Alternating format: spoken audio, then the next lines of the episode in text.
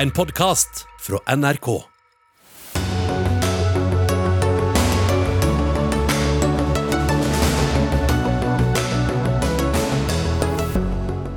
Vi er inne i den tredje bølgen av koronapandemien, men vi mangler både personell og intensivsengeplasser, advarer Legeforeningen.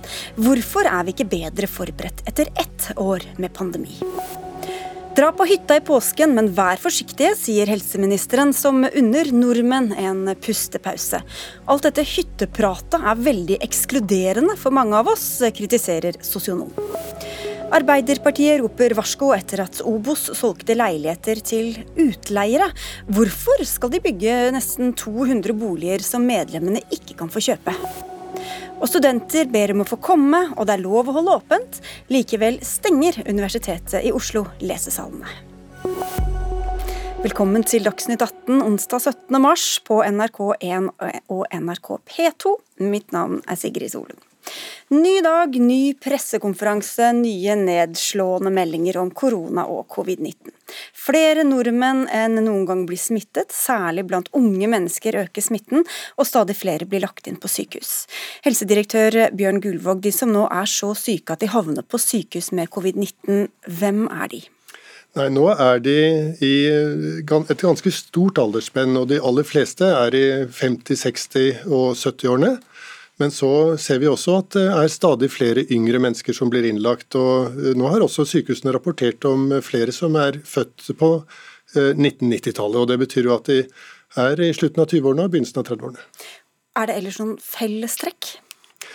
Eh, det er det at nye, de nye variantene av viruset er litt mer smittsomme, eller ganske mye mer smittsomme, kanskje 60% eller noe rundt der. Og så er de også mer alvorlige, og det gjør at Eh, de yngre som da også blir smittet, eh, de får lettere en så alvorlig sykdom at de har behov for sykehusbehandling også.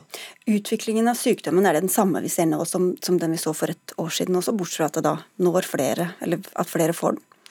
Det, vil, altså det, har et litt annet forløp, og det kan antagelig Camilla si litt mer om. Men, men når uh, tiltakene er så omfattende i den uh, voksne befolkningen, så ser vi jo at uh, den relative betydningen av smitte blant barn blir større. barn og unge mennesker. Camilla, det er deg. Det er Camilla Stoltenberg. Du kan jo bare ta over, da. Du er direktør i Folkehelseinstituttet. Og utdype. Ja, altså den utviklingen vi ser nå, den det er jo en veldig rask økning i smitte, og også en rask økning i antall innleggelser. Og den ligner sånn sett ganske mye på utviklingen vi så helt i begynnelsen av pandemien. Det er en eh, stor forskjell at vi har så mye bedre oversikt. Vi regner med at vi oppdager kanskje oppimot 65 av eh, de tilfellene som faktisk finnes der ute. Det er helt annerledes enn det var den gangen. Og eh, Samtidig så ser vi at vi har store problemer med å få kontroll på den smittespredningen vi har med så eh, et så dominerende innslag av den engelske virusvarianten. Vi snakket jo mye om R-tallet for et år siden, nå snakker vi litt om det igjen. Det, det sier altså hvor mange som er en smittet smitter videre. Hvis mange smittes på én gang, f.eks. i en skoleklasse som det er snakk om nå, hvor, hvor, hva sier egentlig dette tallet om hvor utbredt smitten er i hele samfunnet? Hvor mange som smittes i en skoleklasse, vil jo gjerne reflektere hvor mye smitte som finnes i samfunnet omkring. Eh, så det kan være en indikator på det som finnes der ute. Eh, vi vet jo ikke alltid om smitten hvor den har kommet fra når man begynner å få rask smittespredning i en skoleklasse eller i en skole. Eh, så, så ja, det er eh, stor smittespredning, og vi har sett at det særlig skjer blant yngre, fordi der har det vært eh, mer liberalt. Det har vært mer lov å bryte de reglene som gjelder for alle andre. Og jo, jo mer smitte det er i samfunnet, jo mer stabilt vil jo på en måte dette R-tallet også være. Altså da, hvis det er veldig få smittede, så vil jo utbruddene spille en veldig stor rolle. Men hvis det er utbrudd mange steder samtidig, så vil dette jevne seg mer ut. Og det er det nå? Det er det nå. Mm. Dere virket litt bekymra for testkapasiteten eh, noen steder. Nå har vi jo inntil nå blitt fortalt at vi skal teste oss ved den minste mistanke og ved ethvert eh, symptom. Gjelder det fortsatt, eller skal vi senke den eh, terskelen litt? Nei, Vi skal teste eh, ved symptomer, og vi skal også teste masseteste i områder hvor det er mye smitte. Og vi har en god testkapasitet, spesielt når du tar inn eh, hurtigtestene, som jo ikke behøver å laboratorieanalyseres. Men det er selve eh, laboratorieanalysekapasiteten som i enkelte områder begynner å nærme seg det som er kapasitetstaket. Men jeg vil understreke at det, det gjelder jo først og fremst da i Oslo-området. Eh, men hvis du ser hele Helse Sør-Øst under ett, så er det et godt stykke igjen før vi eh, har kommet opp i taket.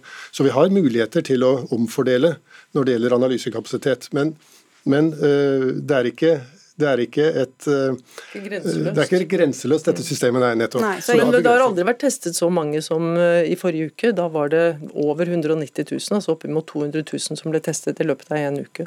Stoltenberg, du, Norge kan komme opp i 2400 daglig smittede om en uke fra nå, ifølge deres siste modell, modelleringsrapport.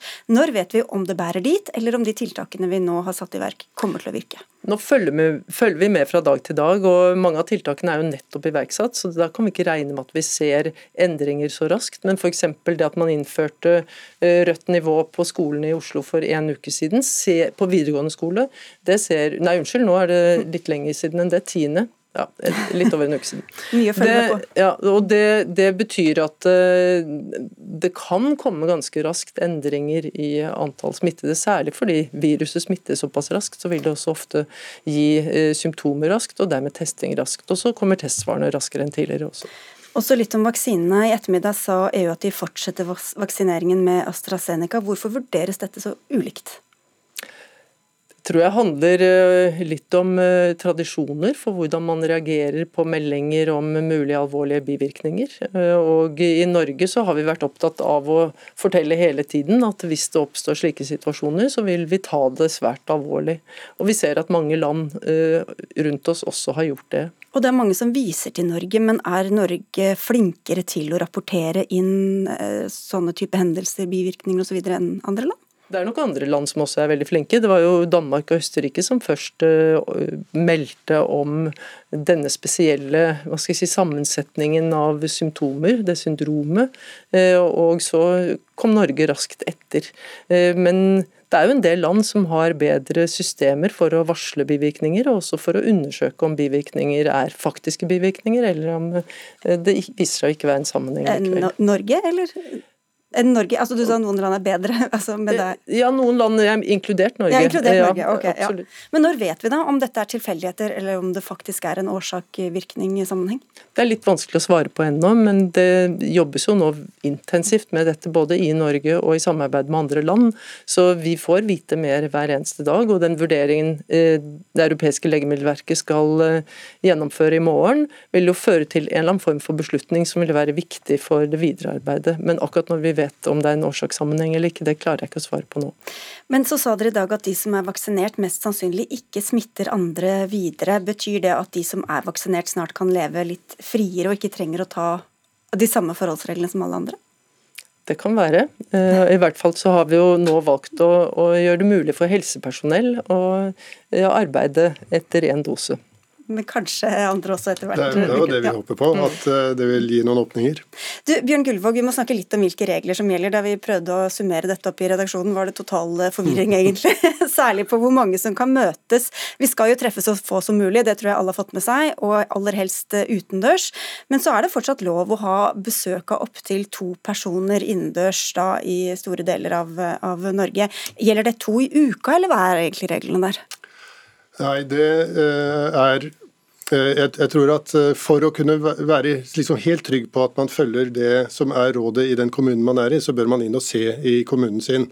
Det, det, er mange som, som gjør det uten å bli helt kloke ja, av den grunn, tror jeg. Og, og her er det nå to som man kan ha på besøk. Og så er det vel et eh, Du får hjelpe meg litt, Camilla, men jeg tror det er fem per uke som man kan ha sosial kontakt med.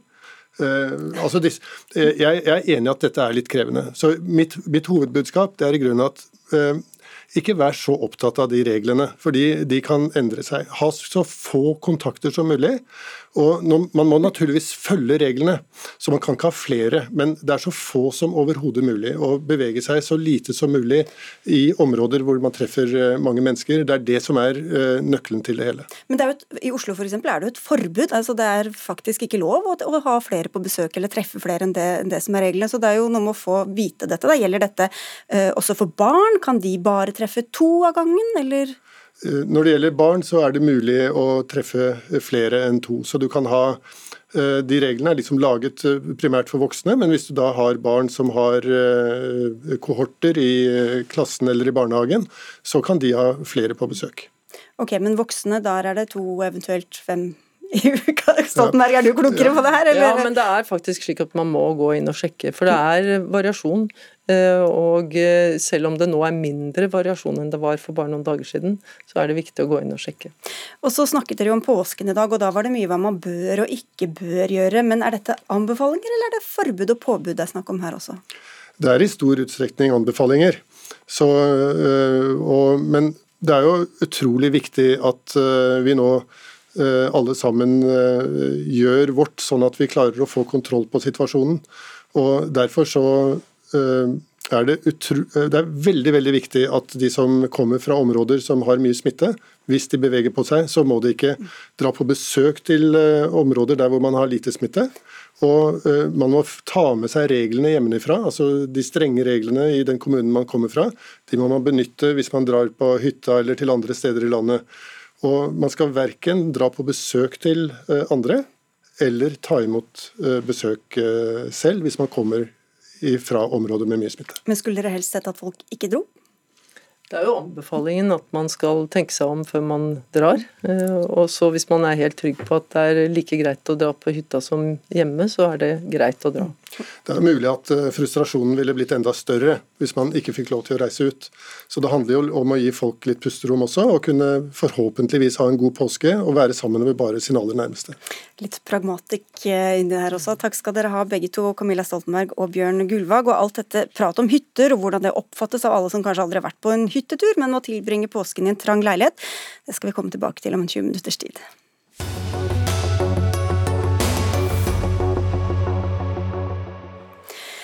Nille permitterer nesten 1000 ansatte. Mester Grønn permitterer 350. Til sammen permitteres flere enn 2500 mennesker etter at Viken og Oslo måtte lukke og låse så godt som alt.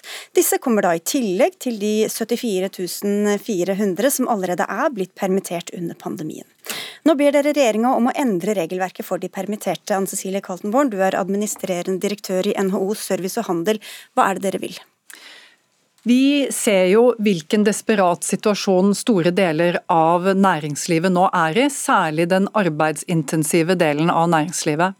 Og Med denne nedstengningen som nå kommer, så blir mange bedrifter dyttet helt ut på kanten av stupet i forhold til hva de kan betale. Vi må huske at mange av dem har allerede vært i en vanskelig situasjon i lang tid, så vi ber nå om at eh, man reduserer arbeidsgivers lønnspliktperiode fra ti dager som den er i dag, til to dager.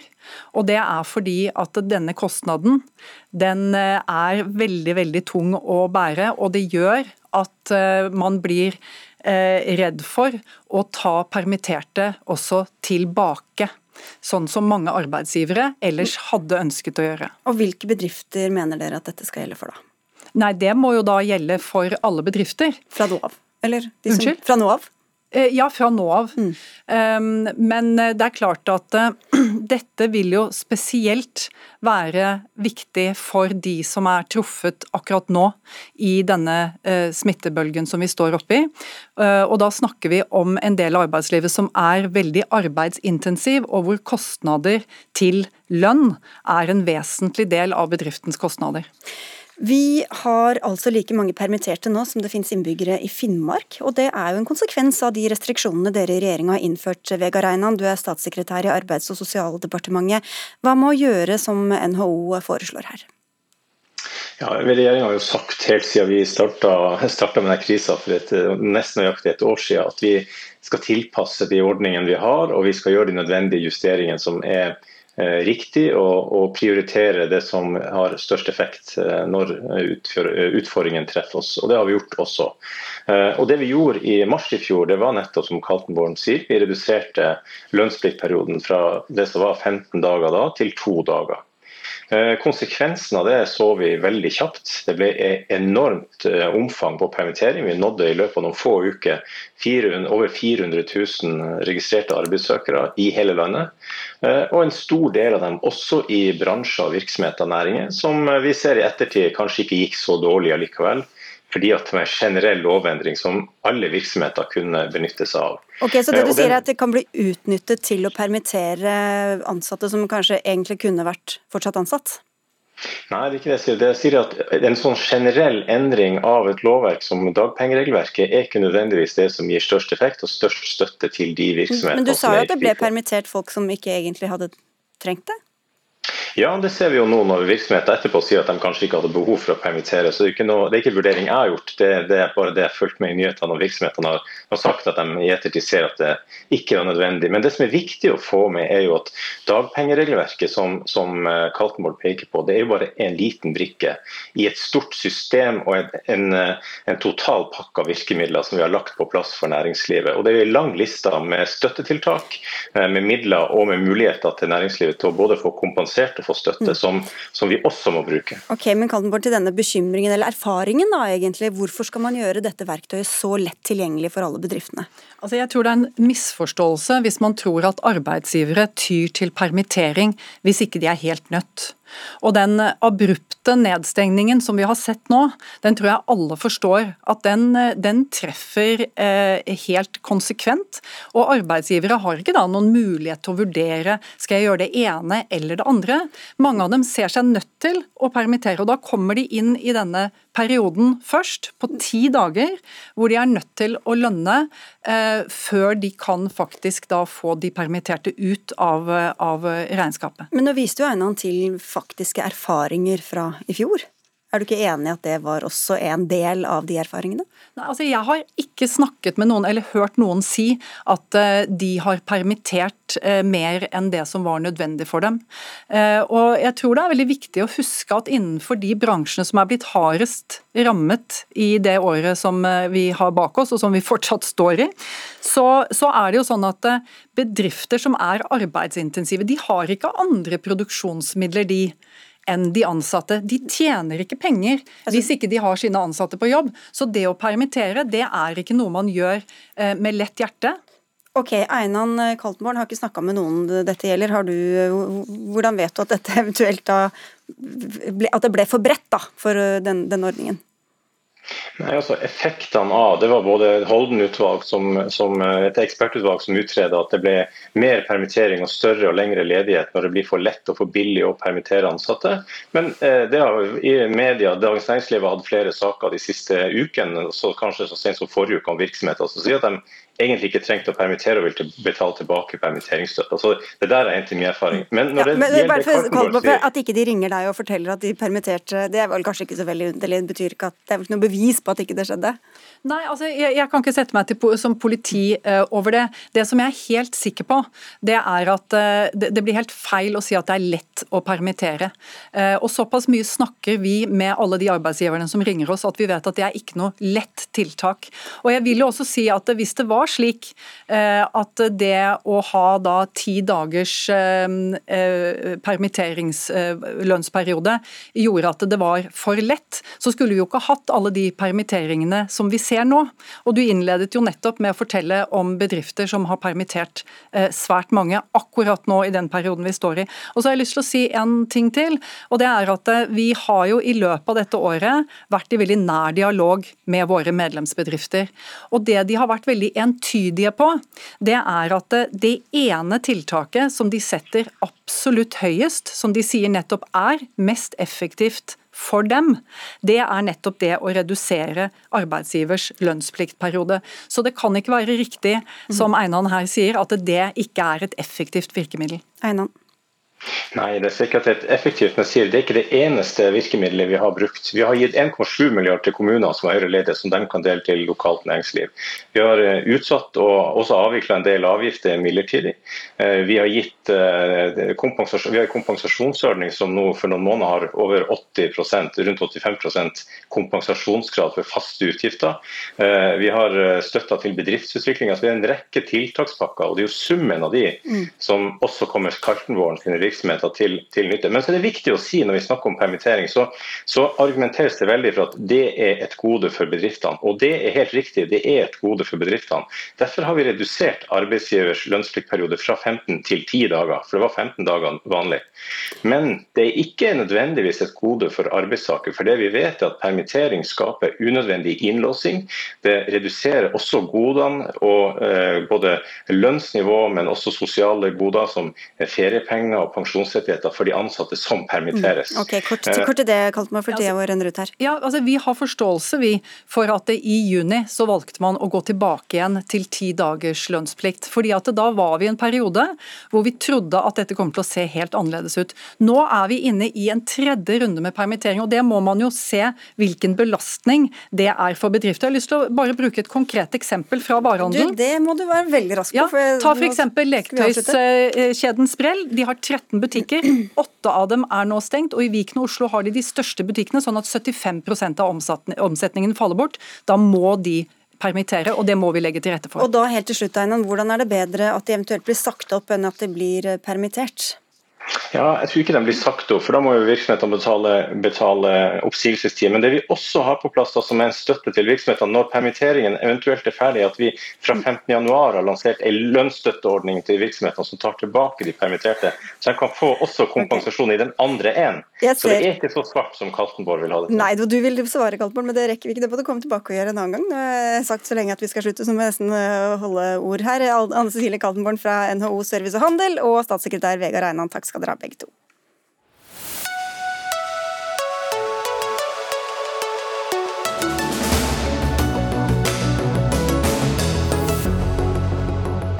Fra konsekvensen av pandemien til håndteringen av den. Hele det siste året har vi hørt at vi mangler intensivplasser, vi mangler personell. Nå er vi, som vi har hørt flere ganger denne sendingen, inne i den tredje bølgen av pandemien. Det sa helseministeren på dagens pressekonferanse. Og president i Legeforeningen, Marit Hermansen, hvor godt forberedt vil du si at Helse-Norge er, eller var, da, på den situasjonen vi nå er på full fart inn i? Nei, vi, vi, har jo ikke vært forberedt på dette. Samtidig har vi nå levd med det i ett år. Eh, likevel så opplever eh, mine medlemmer en stor uro. Eh, vi har eh, ikke ikke eh, tilstrekkelig kapasitet i helsetjenesten. Ehm, det er, eh, det er, ikke en ledig hånd eller en ledig seng der ute, og så vet vi at vi står overfor en eh, stor bølge. Og Dette er jo de samme folka som sto der for et år siden med manglende utstyr, manglende folk, manglende kapasitet, og gjorde en enorm innsats både i sykehusene og også i primærhelsetjenesten. Eh, og så har de tatt igjen etterslepet eh, i høst. Eh, Jobba kveldspoliklinikker og, og, og, og, tatt igjen det som vi faktisk måtte stenge ned. Og nå står de overfor en ny bølge. Så, så vi var ikke godt nok forberedt. Og sånn som dere ser det, Hva er blitt gjort for å bemanne opp og skaffe flere sengeplasser og utstyr i løpet av det siste året? Det er lagt eh, planer for å, å, ta ned, det er eh, lagt planer for å, å, å, bygge om og bruke annet, men vi har jo ikke flere fastleger. Vi har ikke flere intensivplasser. Eh, disse vaktlagene som bemanner akuttmottakene og intensivavdelingene er sårt bemannet, sånn at det, vi, har, vi har ikke egentlig mer kapasitet. Og så må vi, hva må vi da gjøre? Ja, da må vi dra ned all den andre eh, aktiviteten. Ja, Det varslet dere også i dag, helse- og omsorgsminister Bent Høie. Vi, vi, visste jo at den kunne komme, og nå er den tredje bølgen her. Hvorfor er vi ikke da bedre beredt denne gangen, med mer personell, flere sengeplasser osv. osv.? Jo, vi er jo det. Eh, men det er jo sånn at vi utdanner jo ikke flere leger eller sykepleiere på et år, og i hvert fall ikke under en pandemi. Eh, så Det betyr at det vi må gjøre, er jo det som vi gjør i helsetjenesten når vi skal forberede oss på denne situasjonen. Det er jo å skalere opp aktivitet på de områdene der behovene er, sånn som å håndtere covid-19-pasienter. og Det betyr at vi da må ta ned annen ting og utsette andre ting, dessverre. Også eh, er det jo sånn at vi i denne perioden har gjort mye for å eh, sikre oss bedre mot situasjonen. Vi har jo bl.a. økt ikke minst veldig mange antall leger i spesialisering, som Legeforeningen var veldig fornøyd med når vi gjorde det eh, i sykehusene våre som en del av beredskapen. Vi har eh, gitt eh, over 3000 ansatte i, helse, i spesialisthelsetjenesten kompetanseheving i det å jobbe som assistenter inn i, inn i intensivplassene, rett og slett fordi at vi da skal kunne gjennomføre de planene som er. Så Det er jo ikke en riktig fremstilling å si at det ikke har skjedd noe på dette året. Men når du sier at man ikke kan utdanne folk på et år, så sier du vel egentlig da at vi ikke var godt nok forberedt i utgangspunktet? da? Eh, det, jeg har vært helt klar på hele veien at det kan godt tenkes at noe av erfaringen fra denne pandemien kommer til å være f.eks. at vi skal ha noe høyere intensivkapasitet i et normalår, at vi skal ha noe mer kapasitet på andre områder. Men det betyr ikke at vi ikke hadde vært i den situasjonen som er i nå, at vi hadde hatt behov for å avlyse planlagte ting. og sånn, fordi Selvfølgelig kan ikke Norge ha en helsetjeneste som til enhver tid har kapasitet til å håndtere en pandemi en ordinær, med en ordinær bemanning og ordinær kapasitet. Det tror jeg alle forstår. Det som er utfordrende i denne situasjonen, og dette er noe som helsetjenesten er godt eh, trent på, det er å mobilisere ressurser. Men det er klart utfordringen som også Marit beskriver, det er jo at når det er så langvarig, så er det ekstremt slitsomt eh, mm. og krever veldig mye av de som jobber i tjenesten. Få høre med deg da, Marit Hermansen, Hva mener du man kunne gjort annerledes? Hva kunne vært prioritert annerledes innenfor det som er mulig, faktisk? En av de viktigste tingene vi nå kan gjøre, det er, det er, det er to viktige ting vi nå kan gjøre. Eh, det ene har eh, helseministeren allerede nevnt, nemlig at vi tar ned eh, vanlig aktivitet. Men fortsatt så er det sykehus i østlandsområdet som har kveldspoliklinikker, som tar unna som, de køene som er. Jeg sa for et år siden at nå må vi ta ned aktivitet, både for å, å ta hensyn til personellet, som ikke skal være på en måte egentlig sånn nesten utslitt før de starter starter, men også for å ha kapasitet. Den andre tingen som vi nå må gjøre, det er å få vaksinert det helsepersonellet som står der ute i det smittetrykket. Eh, det er fortsatt, Jeg snakka med en kollega i dag som jobber på sykehus, eh, behandler pasienter, går vakter, har tilsyn på andre avdelinger og er ikke vaksinert. Eh, hun går der med Det er en bekymring for å bli smittet selv, men det er også en bekymring for å smitte kolleger, for å smitte pasienter, for å dra med seg smitte. Så det å få vaksinert det helsepersonellet som nå faktisk skal stå der ute og, og jobbe. Det er en beskyttelse av de. Det gjør at de ikke smitter eh, videre, for det, det, har man jo nå sett. Og eh, det gir en, en litt større trygghet i denne usikre tilværelsen de nå skal inn i. Ja, og det er jo jeg helt enig i at det er viktig. og Derfor har vi jo også prioritert nettopp vaksinering av helsepersonell parallelt med de som er i høyrisikogruppen. Og så har vi jo i dag kommet med en viktig avklaring, nemlig nettopp at det at du har fått den første vaksinedosen og etter tre uker så kan du jobbe, trenger ikke gå i smittekarantene. Det vil ha betydning for bemanningen. Og så ser vi òg nå på har vi behov for å prioritere eh, vaksine i større grad til helsepersonell framover. Så er det dessverre ikke noe som kan skje fra en dag til en annen. For det å omdirigere vaksiner, det vet vi jo er noe som, som, krever litt planlegging og tid. Men det er et av de spørsmålene som også FHI ser på. Men hva sier du om, om, også om beredskapsarbeidet, at vi har gjort oss helt avhengig av å importere arbeidskraft til norske sykehus og andre deler av helsetjenesten? Nei, Det mener jeg er noe som, eh, som, har vært et problem over lengre tid, og som, eh, som pandemien har satt et eh, stort søkelys på. Og Der mener jeg òg det ligger et betydelig arbeid foran oss for å gjøre oss mindre eh, sårbare i en sånn situasjon. Men òg generelt sett så mener jeg at det er feil at et land som Norge med våre ressurser og, og vår situasjon eh, skal være avhengig av at eh, vi jevnlig har helsepersonell fra landene rundt oss som, som, må jobbe, som, må pendle. Det er helt greit at noen vil det. Eh, er en, Norden er jo den mest integrerte regionen i Europa. Det er kjempeflott hvis folk ønsker å jobbe på tvers av landegrensene. Men vi ser jo at dette har vi gjort oss veldig sårbare for i forhold til vikarbruken eh, som, som brukes mye. Hermansen? Ja, fordi nå eh, kommer jo du fra regjeringskonferansen, eh, og jeg tenker at da er det viktig at dere nå ser framover. Vi fikk et taktskifte i budsjettet for 2020. Det må være et varig taktskifte. Vi må utdanne de spesialistene vi trenger, sånn at vi ikke blir så avhengig av eh, å importere.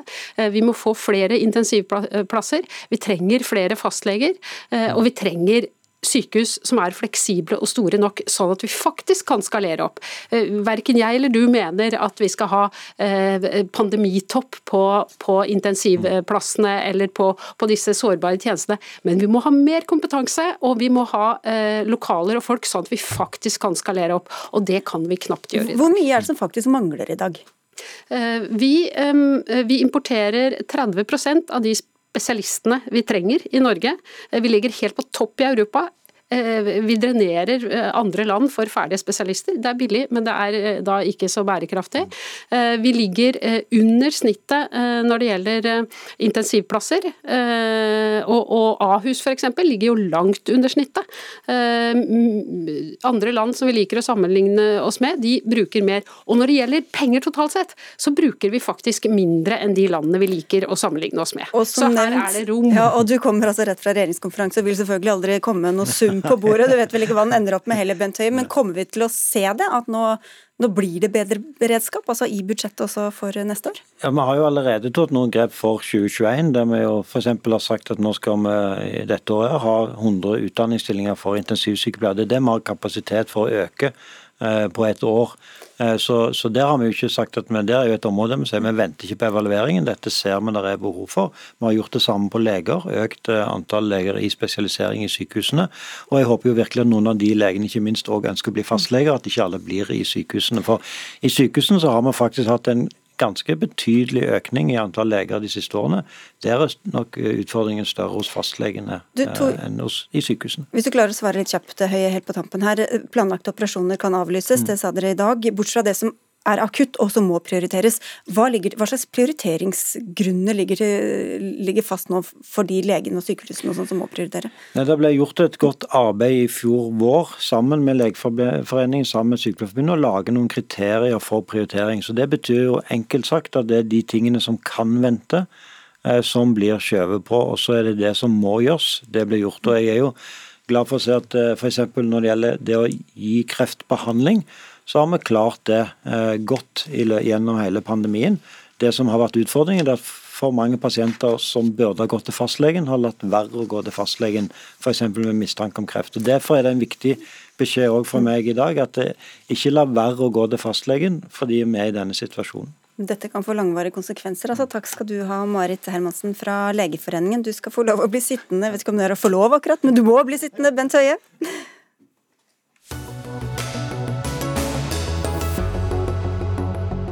Og snart skal vi diskutere Obos salg av leiligheter til et utleieselskap her i Dagsnytt 18, men før det skal det handle mer om korona og om alle beskjedene fra regjeringa og Bent Høie som sitter her. For blir det påskeferie på hytta? Får vi lov til å reise på hytta? Kan vi ha gjester på hytta? Hytteturer i påsken har vært en gjenganger på pressekonferanser og intervjuer de siste dagene og ukene, bl.a. her hos oss. Og nå er du lei av dette hyttepratet, sier du, Anna Sabina Soggu. Du er sosionom og bosatt på Oslo øst. Hva er det som har gjort deg så lei? Ja, nei, sjøl har jeg jo aldri vært på noen påskehyttetur i det hele tatt. Eh, og i fjor var det også mye snakk om eh, hytta, og du fikk jo mye tyn for å ha ødelagt hele hyttepåsken, og nå er det diskusjoner om det igjen. Og så er det noe med å føle seg veldig ekskludert, da, som eh, beboer i Oslo, i en østkantsbydel eh, hvor alle østkantsbydelene nå er på en måte Det er vi som får hardest ramma av virusene. Eh, skolene våre er stengt, fritidsklubbene til ungene. Det er også de bydelene som er nærm, altså mest belasta og valgt ut til å ha stengt mellom 5. og 7. trinn. AKS stenges ned, barnehagen. Så det er noe med egentlig perspektivet på hvor er vi? Egentlig er vi frontkjemperne nå for å vinne over pandemien eh, og rammes hardest av tiltaka. Eh, så vi blir liksom borte i debatten når eh, øvre middelklasse ønsker å diskutere hytta si, som vi aldri har. Og det kan jo gjelde ganske mange rundt omkring i landet, ikke bare Oslo øst, Bent Høie. Alt dette hyttepratet og påskehytta, hvem er det egentlig dere snakker til?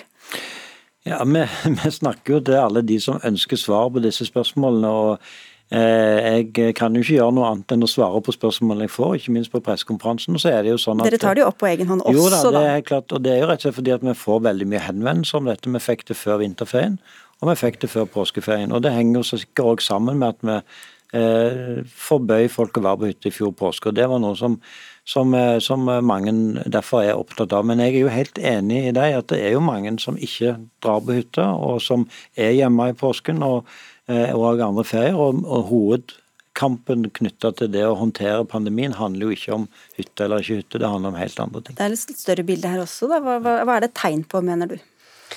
Nei, Det er jo en tegn på noe som jeg også kritiserte kanskje fram mot jul, eh, og skrev noen kronikker og var sinna på. Et sånt uh, type um, normativt tankesett da, på hvem en nordmann er. Hvem er nordmenn? Og jeg vet at nordmenn er mye på hytta, men jeg kommer sjøl fra et innvandringsrikt område og er også innvandrer i familien min sjøl, eller vi, min morfar. sånn at det er jo en sånn typisk norsk greie, men det blir en, også en litt sånn eksklusjon av oss som nordmenn, da. Når vi nå opplever så harde tiltak eh, i multikulturelle Norge, i de bydelene. Vi er vant til å være de som alltid får kjeft på alle statistikker. Vi er de som ramler ut av skolen, vi er dårlige i arbeidsmarkedet, eh, vi ruser oss for mye, har psykisk dårlig helseproblematikk. Men denne gangen så tenker jeg at du kunne løfta oss fram. Eller det er en sånn kjempeanledning til å løfte oss fram som de som faktisk nå eh, tar den dugnaden. Og vi tar den dugnaden nesten for de som skal få dra på hytta. Mm. Nei, Det er veldig viktig. Vi ser jo at det, eh, det har jo òg vært mye oppmerksomhet rundt eh, utfordringene knyttet til smittesituasjonen. Hva er det som er årsakene mm. til det? Og det er klart at det, Eh, en pandemi setter jo eh, et forstørrelsesglass på noen av de sosiale utfordringene som vi har i samfunnet vårt. Mm. trangboddhet, forskjell når det gjelder yrker, hvem som må gå på jobb i en sånn situasjon, og hvem som kan være på hjemmekontor. Og jeg tror at noe av det som, Hvis jeg skal trekke fram noe som er fint da, som kommer ut av denne pandemien, så handler det nok om at jeg tror veldig mange flere har fått opp øynene for hvor viktig noen av de yrkene er. Mm. Der jeg møter folk. Det er de som jobber i butikk, de som gjør rent, de som kjører bussen, de som kjører taxien. Mm. At det er faktisk de jobbene som må være må fungere òg under en nasjonal krise, mm. mens veldig mange andre kan ta med seg hjemmekontoret. Jeg vet jo ikke om den hytte, altså det at folk skal få lov å reise på hytta i år skyldes også kjeft fordi at ikke de fikk reise på hytta i fjor. Men når dere snakker, så er det ikke bare om hytteturer, men å bygge snømann i hagen, om å ha god avstand rundt middagsbordet. Hva slags familier og hva slags mennesker er det dere ser for dere når dere tegner disse scenarioene, og også prioriterer? Nei, Jeg syns jo at eh, alle kan lage snømann ute i hagen. det er ikke alle som har en hage, skjønner du. jo, eller på gården ut forbi. eller det er jo, sant? Og, og vi snakker jo òg mye om det å bruke nærområdet. Sant? Det å gå på tur i nærområdet, det å være ute. Eh, og Det er jo rett og slett for det er noe som er tilgjengelig for oss alle sammen. Ikke minst her i Oslo. Det er jo fantastiske muligheter eh, til, til, det. Og så er det jo noe med at vi må snakke om de tingene som altså Utfordringen er jo at mye av smitten foregår i, i uh, husstanden, i familien, når en møtes hjemme. Og Da må vi òg fortelle det som er viktig, nemlig at hvis en har gjester innenfor de antallsgrensene som gjelder, så er det òg noe annet som gjelder, nemlig avstandsgrensene. Og Det er jo med på å hjelpe folk til å unngå å bli smittet. Jeg synes jo Før jul, når det var eh, jeg er singel og enslig og aleneboende, da var jeg forbanna fordi at eh, vi var uh, helt usynlige. Og da har dere egentlig endra retorikk, opplever jeg, da, i, i regjeringa og fra, altså fra myndighetenes hold. Og anerkjenner at vi eksisterer, og at vi fikk noen ekstrabelastninger med de tiltakene. Og det tenker jeg egentlig er det jeg ber om. Eh, at liksom, ja, vi vet at nordmenn liker hytta, det er ikke at ikke folk skal få kose seg med det, men eh, at man heller også retter fokuset på at man veit og anerkjenner hvilken innsats som gjøres nå fra østkanten i Oslo, og spesielt til ungdommene våre. fordi de er vant til å være på, i Oslo i påska. Jeg har alltid vært det. Vi pleide å dra på museumer og vinne noen priser og alt mulig. Men, eh, så det er ikke det at vi savner hytta, men er, nå er det liksom ingenting å gjøre. ikke sant? Så det er å henge i gata, og da må vi i hvert fall liksom sikre at de hører at vi veit de gjør noe. At de gjør en innsats. Det er kanskje noen som tenker at hvorfor skal vi heie på dem når det er der smitten stiger? Blant ungdommer, og da særlig i noen bydeler? Nei, altså vi har vel alle vært unge, så det å bli innelåst i leiligheter, eh, veldig små leiligheter, med mor og faren sin, og kanskje bestemor og bestefar og alle søsknene sine, det er terror. Det er skikkelig tortur, rett og slett. Sånn at vi skjønner at de går ut. Og da må vi også kunne si til dem at vi veit at de er de som mister skolegangen sin nå, og det er eh, fritidstilbudene er lukka, og liksom understreke at vi vet at det her er belastende, og så kanskje også tenke om det går an å finne nye tiltak. Jeg vet ikke. Hotellene står tomme. De blir innesperra og isolert hvis de skal være i karantene i små leiligheter hvor det er umulig å slippe, altså slippe unna smitte, så jeg vet ikke. tenker på nye tiltak. Dere fant ut med aleneboende. Nå eksisterer vi, så nå er det Oslo øst. ja, det... Nei, jeg synes det er veldig gode innspill. og det er klart Vi har jo sagt òg f.eks. dette å ha organisert aktivitet utendørs eh, er jo OK for den aldersgruppen. og Det tror jeg er viktig. og det er også å tenke på hvordan kan en gjøre det på nye måter. Mm. Sånn at det skjer noe, at en kan være sammen med andre, mm. men på en trygg måte. Sånn at en ikke gjør det som er alternativet, nemlig mm. henger med vennene sine tett på uten at det er organisert, som ofte da bidrar til økt smitte. Mm. Men jeg er helt enig, vi skal ikke bruker denne anledningen til å kjefte på folk. Det har aldri hjulpet oss noen gang under en pandemi eller andre smittsomme sykdommer. Ok, Takk skal dere ha begge to, helseminister Bent Høie og Anna Sabina Sogju, som altså er sosionom og bosatt på Oslo øst, som vi fikk fortalt. Takk.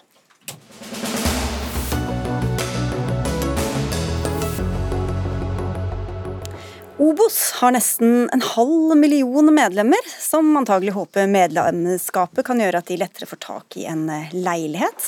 Men ikke alle Obos-leiligheter går til Obos-medlemmer, skriver nrk.no. For første gang har boliggiganten solgt en blokk til et utleieselskap. Det gjaldt i underkant av 200 leiligheter på Ulven i Oslo. Siri Gåsemyr Staalesen, du er stortingsrepresentant og boligpolitisk talsperson for Arbeiderpartiet og lot deg provosere litt av dette salget. Hvorfor det? Det er ikke vanskelig å forstå at eh, vanlige folk reagerer på denne saken her. Det har vært en sånn evig eh, sang gjennom hele 2020 at eh, utbyggerne sier at det har vært Eh, at boligprisveksten skyldes for lite tilbud av boliger. Det har liksom vært eh, praten hele veien. Eh, og Da er det jo ikke rart at vanlige folk reagerer når 200 leiligheter tas ut av markedet. Det var altså, Obos har altså solgt 200 leiligheter til profesjonelle utleiere, og da mister jo Obos-medlemmene muligheten til å by på de leilighetene. Og ikke bare mister de muligheten til å by på det, men de kunne faktisk kanskje ha fått de til en annen pris. Mens Obos velger da, når de ser at markedet går litt trått, så velger de altså å legge de, istedenfor å legge de ut til salgs og få den prisen som leiligheten faktisk har vært der og da etter markedspris, så selger de den altså til, til noen andre utenfor markedet. Og det reagerer vanlige folk på. Hva, hva tror du det er da, at, ved at det nettopp er Obos som gjør dette, som skaper såpass mye reaksjoner? Nei, Obos har jo lenge tjent penger på vanlig måte og vært en vanlig boligbygger på linje med de andre. Men eh, det kan nok hende, eller eh, jeg, Historiene på Facebook vitner i hvert fall om at kanskje ikke alle har fått det med seg. Folk reagerer på at de er solgt til utleiere. Jeg tror også mange medlemmer ikke har visst at at eh, Obos også bygger selveieboliger. Og det å eie egen bolig har jo stått helt sentralt i velferdsprosjektet til Arbeiderpartiet etter krigen. Det var veldig viktig for eh, Arbeiderpartiet etter krigen at vanlige folk som bodde i trange, leide leiligheter nede i byen, skulle få komme seg, seg mm. ut av sentrum og få muligheten til å eie egen bolig. Okay, så Det er litt av historikken bak her. Men nå til dette salget, Daniel eh, Kjørberg Serai, du er administrerende direktør i Obos. Altså ta 200 leiligheter vekk fra alle de betalende medlemmene. Hvorfor det? Denne historien starta ikke i 2020, den har startet tilbake i 2018. Når vi skulle legge planer for hvor vi skulle utvikle en helt ny bydel. Dette er en bydel med over 2500 boliger. Planen vår. Vi skulle bygge et nytt næringssenter med 5000. Da var logikken for å gjøre dette at vi mente at dette området trengte et utleietilbud for de som ikke hadde råd til å kjøpe egen bolig, og at det skulle skje gjennom en organisert og strukturell måte. Vi er alle enige, og jeg tenker dette har Leiebyråforeningen sagt, regjeringen har sagt i denne rapporten her. Ja, men dere, jo, dere, skal vel bygge leiligheter bygge, for deres medlemmer, jo, skal dere ikke det? Vi skal bygge boliger, og vi skal bygge gode bydeler. Og i fjor hadde medlemmene våre de hadde 3000 boliger å velge mellom å kjøpe av Obos i fjor. Vi la ut 1700 nye boliger, og vi hadde 1300 i heng. Så medlemmene våre hadde mange boliger å velge mellom, både jo, i Oslo og andre steder i fjor. Men dere ber jo veldig ofte om å få flere tomter regulert til bolig for å gjøre noe med de galopperende boligprisene, særlig i hovedstaden. Hvorfor selge da denne blokka til en profesjonell utleier? Fordi vi mente at det var riktig med 10% utleieboliger i en stor ny bydel, istedenfor å si at vi bygger borettslag her. Det betyr at muligheten for de som ikke har råd til å kjøpe sin egen bolig, til å bo nær jobben sin, til å bo i en sentral ny bydel i Oslo, ville være begrensa. Men tror, vi... Er det i tråd med hva medlemmene tror at dere driver med, tror du? Jeg tror medlemmene våre er opptatt av at vi skal bygge gode byer. De er opptatt av et rikt boligtilbud på dette tidspunktet, og i fjor så hadde medlemmene våre mange boliger å velge mellom. Men vi tror fortsatt Så det er ikke boligmangel, da? Det er mange som trenger ny bolig, eh, og vi hadde et godt tilbud av nye boliger i fjor. Eh, og Derfor mener vi og vi mener fortsatt at byen trenger både leieboliger, drevet av seriøse profesjonelle aktører, og eieboliger. Så, så fremover så kommer dere til å drive med ja, Vi må se her, er det, så skal vi selge noe til utleie, så skal vi la noen være til medlemmene, eller Vår primærplan framover er ingen planer om å selge flere blokker til utleiebruk. For vi har siden denne tiden har gått, så har vi også utvikla våre nye boligkjøpsmodeller, der vi prioriterer å bygge boliger gjennom den deleiemodellen, der du delvis leier og delvis eies av Mobos. Så vi ser jo ungdom nå som leier bolig og som skal spare opp til egenkapital, som ikke klarer det. Som i løpet av det året som går, sitter igjen med mindre i egenkapital enn det boligprisveksten har vært. Og jeg tror hvis du spør medlemmene i Obo som har kjøpt medlemskap til barna sine til konfirmasjonsgave eller barnebarna i dåpspresang, eller at det har gått i arv gjennom generasjoner, så tror jeg ikke forståelsen av av, eh, som Daniel Rai her gir, er riktig. For at, ok, det var 3000 boliger ute til salg de kunne velge mellom, men altså, Altså da ikke disse 200. Og jeg tenker at Obos har rett og slett en dårlig sak. Og Hvis jeg skulle gitt Daniel Sirai et råd, så tenker jeg at det må være hvorfor ikke gå tilbake og bygge borettslag. Eh, Folk jeg snakker med, de ante ikke at Obos også bygger selveier Men, men, Siri, vi, vi, bygger faktisk Vi har aldri bygd så mye borettslag som nå. Vi bygger nesten i Oslo men, nå, på nye prosjekter, bygger vi nesten utelukkende borettslagsboliger. For jeg er helt enig med deg. Borettslagsbolig er det vi foretrekker. Vi nye prosjekter på Fornebu nå. Vi har slutta å bygge selveiebolig. Framover skal vi bygge borettslagsbolig. Og vi har i løpet av det samme året i fjor så, så la vi jo 300 nye boliger gjennom disse nye boligsosiale kjøpsmodellene våre. Der ungdom og andre som trenger det, kan få en lettere inngang i boligmarkedet. Og Det har vi en ambisjon om skal bli 1000 boliger i året innen 2026, så vi er på god vei dit. Men på nettsidene deres så skriver dere at uh, at, at uh, Unnskyld meg. Av de, en av de største fordelene med borettslag er at det er stabilt og, og gir ting som ikke utleieleiligheter kan, kan, gi. Gjelder ikke det denne saken her, da? Eller? Jo, men det er nettopp det. Vi skal bygge over 2000 boliger i dette området. At, at noen må bo i en leiebolig, det er alle enige om. Eh, at, at, noen skal bo i, i et sånt byområde. Og da tror vi at det faktisk løses best dersom utleieboliger drives av profesjonelle, seriøse aktører som kan holdes til ansvar, som tenker langsiktig og ta, sørger for at også bomiljøet blir tatt godt vare på. Ok, Men det skal dere bestemme, da? Her, altså, her, her, bygger vi en bydel. Nå, nå syns vi at her skal 10% gå til utleie, og her skal 90% gå til våre medlemmer. Faktisk er det en del av det å ta ansvaret for byutvikling, er å fylle den bydelen med et bredt boligtilbud det er ingen politikere som har bestemt det. Der finnes jo ikke forreguleringsformål nok til å bygge utleieboliger, så vi må faktisk ta det ansvaret hvis vi mener det er rett. Men det var altså Quality Living Residential AS som kjøpte disse leilighetene. Bård Schumann står bak eh, selskapet. Du har omtalt ham som en god kompis, at dere var som knoll og tott. Han har kalt deg min gode venn, og du har sagt at dere har det morsomt både privat og på jobb. Hvordan tror du det ser ut for deres medlemmer at det var han som fikk Som jeg har svart NRK tidligere, vår, vår relasjon er utelukkende profesjonell. Vi omgås ikke privat. Vi eh, omgås i, i jobbsammenhenger. Vi Bare har, det? Aldri, ja. aldri, gjort noe annet? Nei, vi har faktisk eh, vi har ingen privatrelasjoner. Aldri vært hjemme hos meg, aldri vært hos han, aldri vært i bursdag, ikke delt gaver. Ingen av de tingene som du forbinder med et privat vennskap, har vi hatt sammen. Men Olav Selvåg i konkurrenten Selvåg sier at prisen var litt lav, så hvorfor solgte dere til en lavere ja, kvadratmeterpris til ham enn til deres egne medlemmer? Hva Olav Selvåg mener i 2020 om noe han ikke kan noen ting om, for, som er en beslutning som ble tatt i 2019 mm. Vi mente, vår administrasjon innstilte til styret, at denne prisen var en god markedspris basert på det som var riktig pris i to, høsten 2019. Det mener vi var rett. Ingen kunne forutse at boligprisutviklingen i Oslo har steget med så mye. Men hvorfor skulle han få det billigere enn deres medlemmer?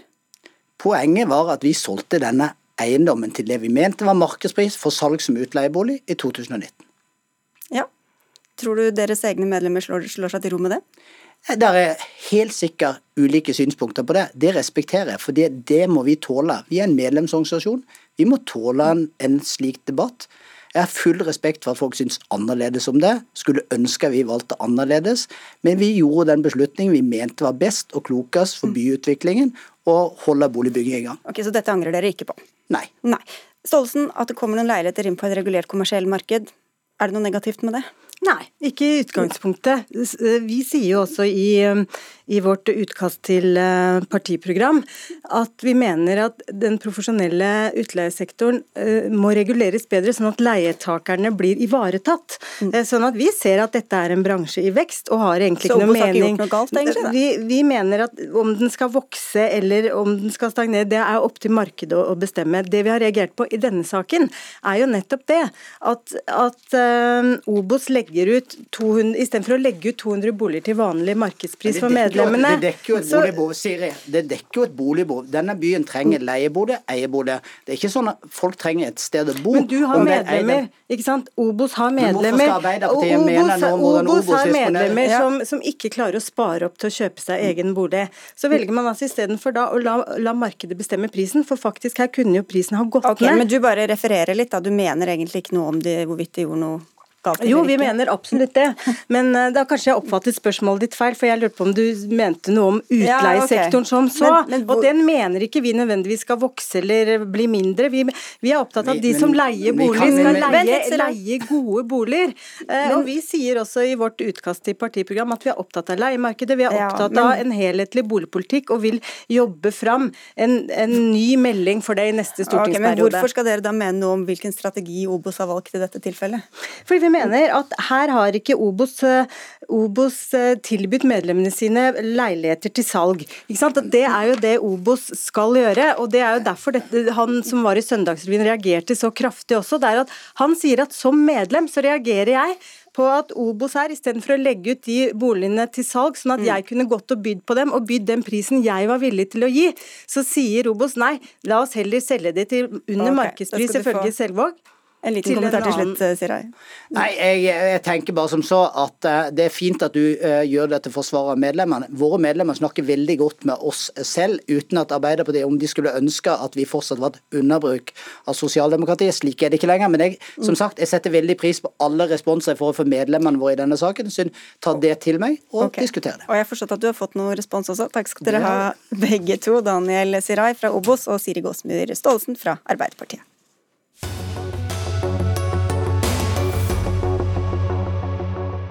De får lov av kommunen å holde åpent, likevel velger Universitetet i Oslo å stenge lesesaler, bibliotek og bygninger. En måned etter at studentene fikk slippe tilbake til universitetet for å studere, må de altså holde seg unna igjen. Og dette får deg til å reagere, Aksel Rokstad, du er filosofistudent og debattredaktør i studentavisa Universitas. Med den smitteutviklingen vi ser på Østlandet nå, hvorfor er dette likevel ikke et nødvendig tiltak? Det henger kort og godt sammen med at eh, studentene er i en veldig veldig annen situasjon enn veldig mange andre grupper i samfunnet, uten at man helt har erkjent det, virker det som. Eh, man ber arbeidstakere flest om å ha hjemmekontor så langt det lar seg gjøre. Eh, faktum er at for de aller fleste studenter så lar det seg ikke gjøre i det hele tatt å skulle studere hjemmefra. De er helt, helt avhengig av gode arbeidsplasser som lesesalene da er, for å kunne både kunne opprette en struktur på dagen og kunne lese godt. og faktisk ha et nevneverdig akademisk fellesskap med, med, andre studenter. Og Det er bare noen få uker siden lesesalen og universitetsområdet ble åpna. Hvordan var det for studentene å få denne beskjeden nå? Det kom som et sjokk, og det er ganske surrealistisk at etter at eh, studentene har stått på for å få denne beskjeden inn til både regjeringen og byrådet, så er det rektoren ved Universitetet i Oslo som skal treffe den avgjørelsen og stenge lesesalene.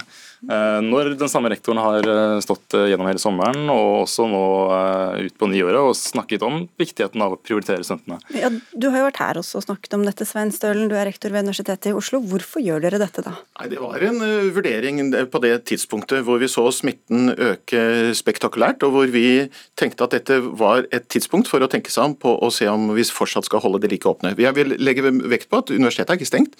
Vi har mange studenter i praksis, i ferdighetstrening på laboratorier osv. Det vi nå har gjort, er å, å, å, vurdere denne risikoen som vi følte var i, i overkant. Så vi er nå i ferd med å, å, finne en løsning som gjør at vi tror at vi skal klare å lage et tilbud for studentene igjen. Så dit er vi på vei. Ja, og Smitten stiger jo, men den steg jo også etter jul. og Da regjeringen åpnet lesesalene for en måned siden, så sa du til avisa Krono at dette var gledelig, at dere sitat, tar ansvaret svært alvorlig, skal sørge for et godt smittevern. Vi vet at våre studenter er veldig pliktoppfyllende. sitat slutt. Er det smittevernet som ikke var så godt, eller er det studentene som ikke er like pliktoppfyllende lenger? Dette er nok noe vi legger på vår egen ansvarstaking, holdt jeg på å si. Jeg mener at vi fortsatt er ansvarlige. Det vi nå gjør, det er at vi forsterker hurtigtesting. Vi har jo hatt eh, hurtigtesting som test i tre uker. Den kommer vi til å doble på Blindern. Vi kommer til å etablere det også på Nedre Blindern. 0,6 av Vi studentene? Vi, vi, kommer, vi er opptatt av at vi gjør dette på en sikker måte for studentene og resten av samfunnet. Så Derfor så forsterker vi hurtigtestingen både på Blindern og i sentrum. Det gjør at vi kommer til å klare å åpne lesesalen igjen. Men vi mente at dette var nødvendig for å være helt sikker på at vi opptrer ansvarlig som institusjon. Og Vi skjønner frustrasjonene, bare for å ha sagt det, og dette var ingen enkel beslutning. Men vi er i ferd med å snu det. Men hvordan hadde det tatt seg ut hvis lesesalene holdt åpent mens absolutt alt annet stenger, Rokstad? Det er kanskje et tankekors for mange som har barn hjemme når man har hjemmekontor f.eks. Men det som har vært fellesnevneren gjennom hele denne pandemien, her, er at det er ingen så å si, som har talt studentenes sak. Man får ikke inntrykk av at det har vært en eneste stuntstemme ved forhandlingsbordet i regjeringen. Det har ikke vært en eneste journalist så langt jeg har sett, som har stilt spørsmål om stuntene på de mange pressekonferansene. Eh, og Som resultat av det så er det veldig veldig mange i samfunnet som ikke har grep om de behovene stuntene har i sin studiehverdag. Og Derfor er, selv om uh, lesesalen bare skulle stenge en uke eller to mens som forrige gang et bedre hurtigtestprogram, så, så er marginene syltynne.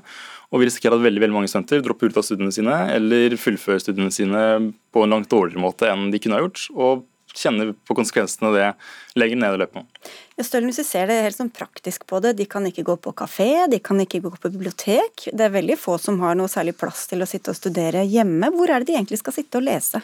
Nei, Det er jo det som er grunnen til at jeg tidligere har sagt at det er viktig å ta vare på studentene. Det gjør vi også nå. Ved at vi eh, styrker eh, hurtigtestingen. Det gjør at vi kommer til å klare å åpne igjen. og Vi har altså hatt 2500 studenter på lesesaler. Nå må vi gjøre dette gradvis, og allerede fra fredag håper vi å ha et tilbud på plass. Og Det er rett og slett av de årsaker. Men vi har et selvstendig ansvar som en stor samfunnsaktør med 40 000 studenter og ansatte på å være sikker på at de tiltakene vi gjør er forsvarlige. Det er det vi har vurdert nå. Men når, når kommunen sier at dere kan få lov, som veldig få, å holde åpent, hva sier det deg da om jeg tror at, øh, at, øh, som en stor, jeg mener Vi er en av de bedre universitetene i Europa. Vi må også ha en selvstendig vurdering av en situasjon på en stor arbeidsplass. En kommune setter øh, en ramme, og så er det hver enkelt bedrift må, og, og, institusjon som må vurdere situasjonen der. At smittevernet i forhold til en risikoanalyse er tilstrekkelig. Det er det vi har gjort.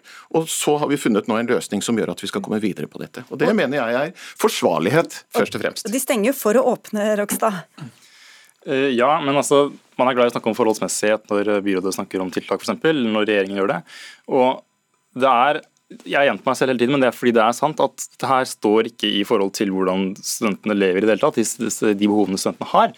Uh, har man, man jobba som eller levd som en student på lesesalen, så har man forstått at det er ikke forholdsmessig i det hele tatt å skulle stenge lesesalene for Eh, en studentmasse som jo har blitt dokumentert bærer veldig veldig lite smitte på campus, som ikke belaster kollektivtransporten på den samme måten som elever eller arbeidstakere som møter opp på den samme, eller gjennom samme morgenrushet klokka ni hver morgen. Det er rett og slett et tiltak som står helt ute av proporsjon til den belastningen det legger på studentene. Ja, du kan bare gjenta deg sjøl. Ja, jeg tror at, at vi, vi, har prøvd å gjøre en vurdering her, og jeg skjønner situasjonen. Mm. Jeg har selv tre sønner som studerer, og jeg ser hvor krevende denne situasjonen er. Men eh, allikevel så har vi valgt også en ansvarlig linje, mm. og jeg mener vi har gjort det hele veien. Vi har også vært uh, tøffe på studentenes vegne hele veien, og så, så, har vi vært litt uenige akkurat nå, men vi er på vei igjen for å, for å sikre studentene våre gode arbeidsforhold. Men jeg var litt inne på det, det er bare 0,6% av de avlagte testene dere har tatt som har vist seg å være positive. Jeg vet ikke, Vet dere om folk er blitt smittet på universitetsområdet i det hele tatt? Det vi vet er at denne hurtigtestingen vi har satt i gang som et prøveprosjekt, og vi er veldig glad for samarbeidet med Studentsamskipnaden, som er steingode, har avdekka ting som er veldig godt at det ikke har kommet inn på lesesalene. Det er det vi forsterker nå, for å gjøre det enda sikrere for studentene. Vi skal bidra til at Oslo klarer å ta ned smittenivået. Det er det vi er opptatt av, og det er måten vi skal gjøre det på. Men handler det da om faktisk eh, smittefrykt, eller det at dere også ønsker å sende et signal, vise at dere er ansvarlige osv.? Dette handler jo om et reelt smittefrykt. Hvis vi ser tallene for Oslo nå, inkludert uh, denne bydelen Nordre Aker, så er de høye. Det gjør at vi mener dette er riktig. 10 000 av våre studenter bor nær lesesalene. 20 000 bor langt unna. Vi må ha et system som bidrar til at Oslo kommer seg godt gjennom dette. Ok, Rokstad. Dere må smøre dere litt med tålmodighet. Eh, ja, men det er en tålmodighet veldig mange ikke har råd til å smøre seg med. Det er mange studenter som står helt på bristepunktet, som har vært det lenge, som nesten ikke tålte forrige nedstengninga.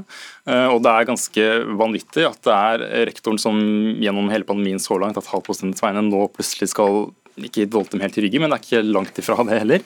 Eh, og ja, det er litt veldig merkelig, syns jeg, at måte, rektoren ved universitetet selv skal ta styringen over, eller overstyre byrådets grønt lys på den måten, når det grønne lyset kommer fra studentene, som har jobbet selv for for egne interesser. Men vi har ting på plass på fredag, og vi håper at vi har mye på plass tidlig neste uke.